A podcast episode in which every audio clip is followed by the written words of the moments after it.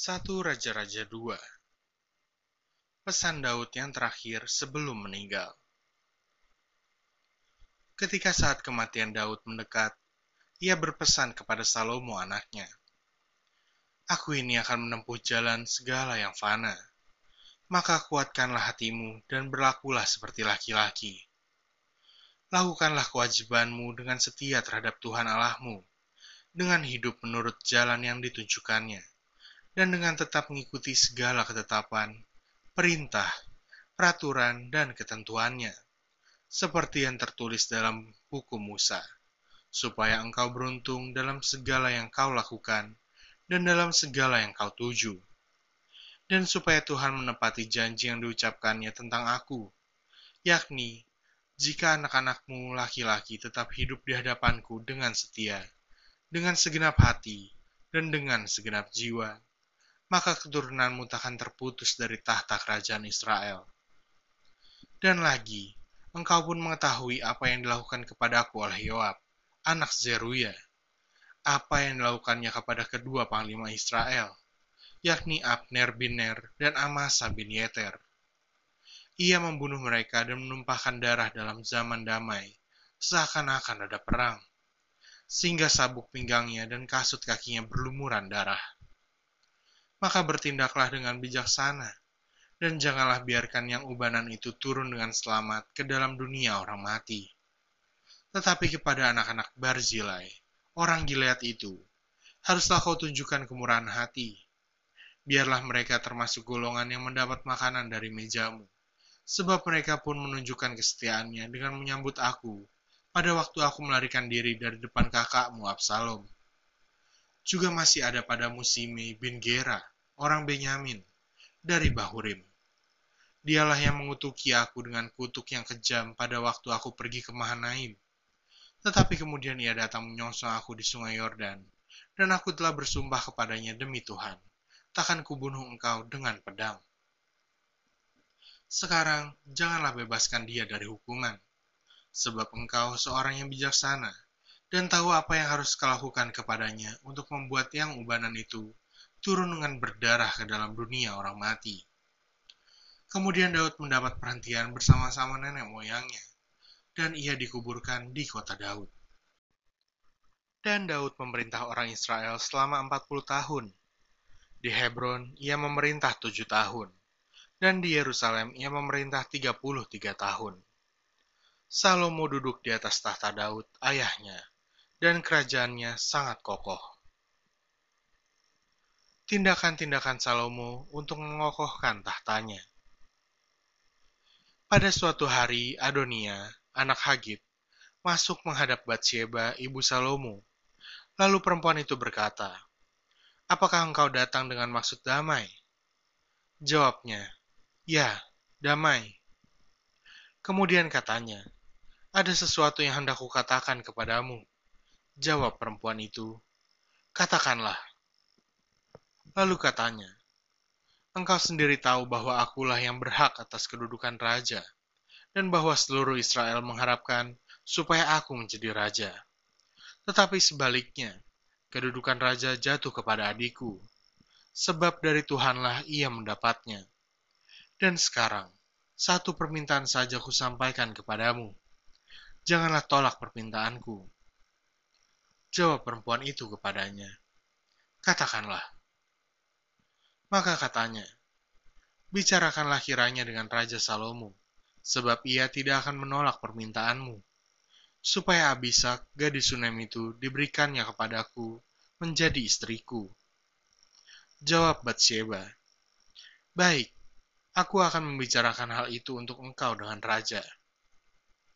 Batsheba masuk menghadap Raja Salomo untuk membicarakan hal itu untuk Adonia.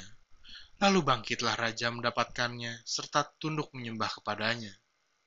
Kemudian duduklah ia di atas tahtanya, dan ia menyuruh meletakkan kursi untuk bunda raja. Lalu perempuan itu duduk di sebelah kanannya. Berkatalah perempuan itu, Suatu permintaan kecil saja yang kusampaikan kepadamu.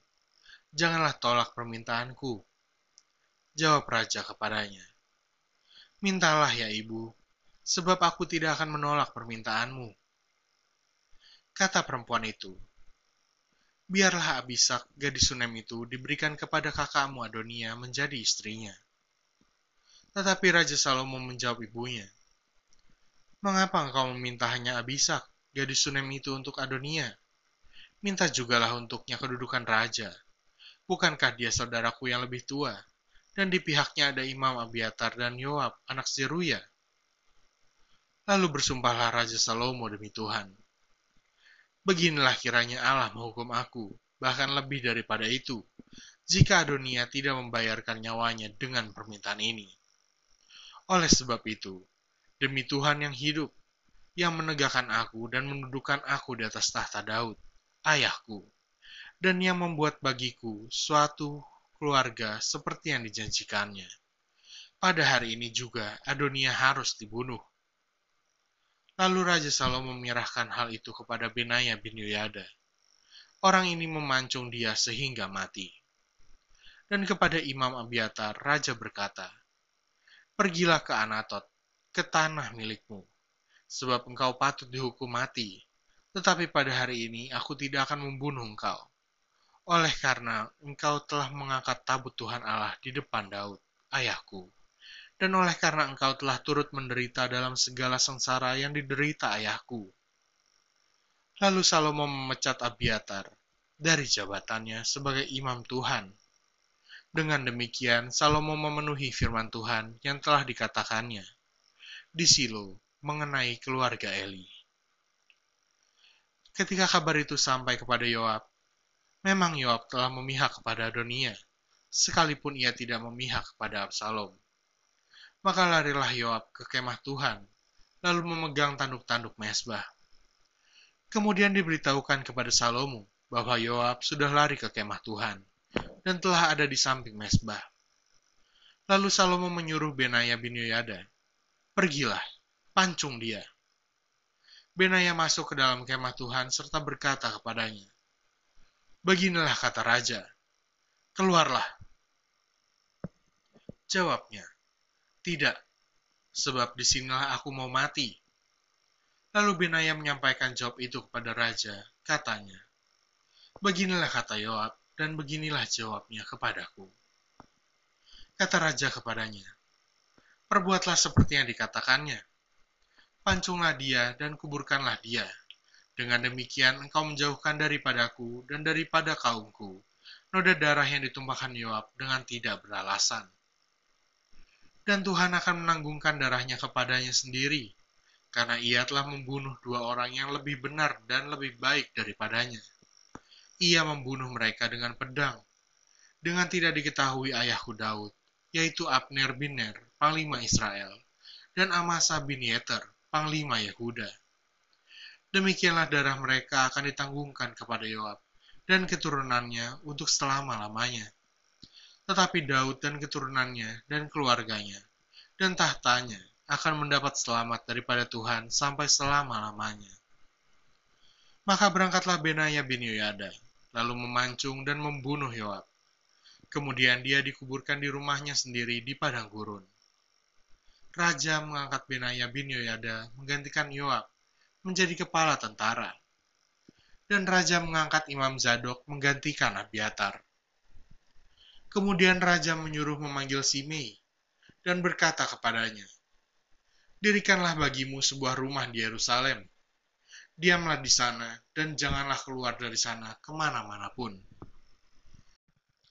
Sebab ketahuilah sungguh-sungguh bahwa pada waktu engkau keluar dan menyeberangi sungai Kidron, pastilah engkau mati dibunuh, dan darahmu akan ditanggungkan kepadamu sendiri. Lalu berkatalah Simei kepada raja, Baiklah demikian. Seperti yang Tuanku Raja katakan, demikianlah akan dilakukan hambamu ini. Lalu Simei diam di Yerusalem beberapa waktu lamanya. Dan sesudah lewat tiga tahun, terjadilah bahwa dua orang hamba Simei lari kepada Akis bin Maaka, Raja Gad.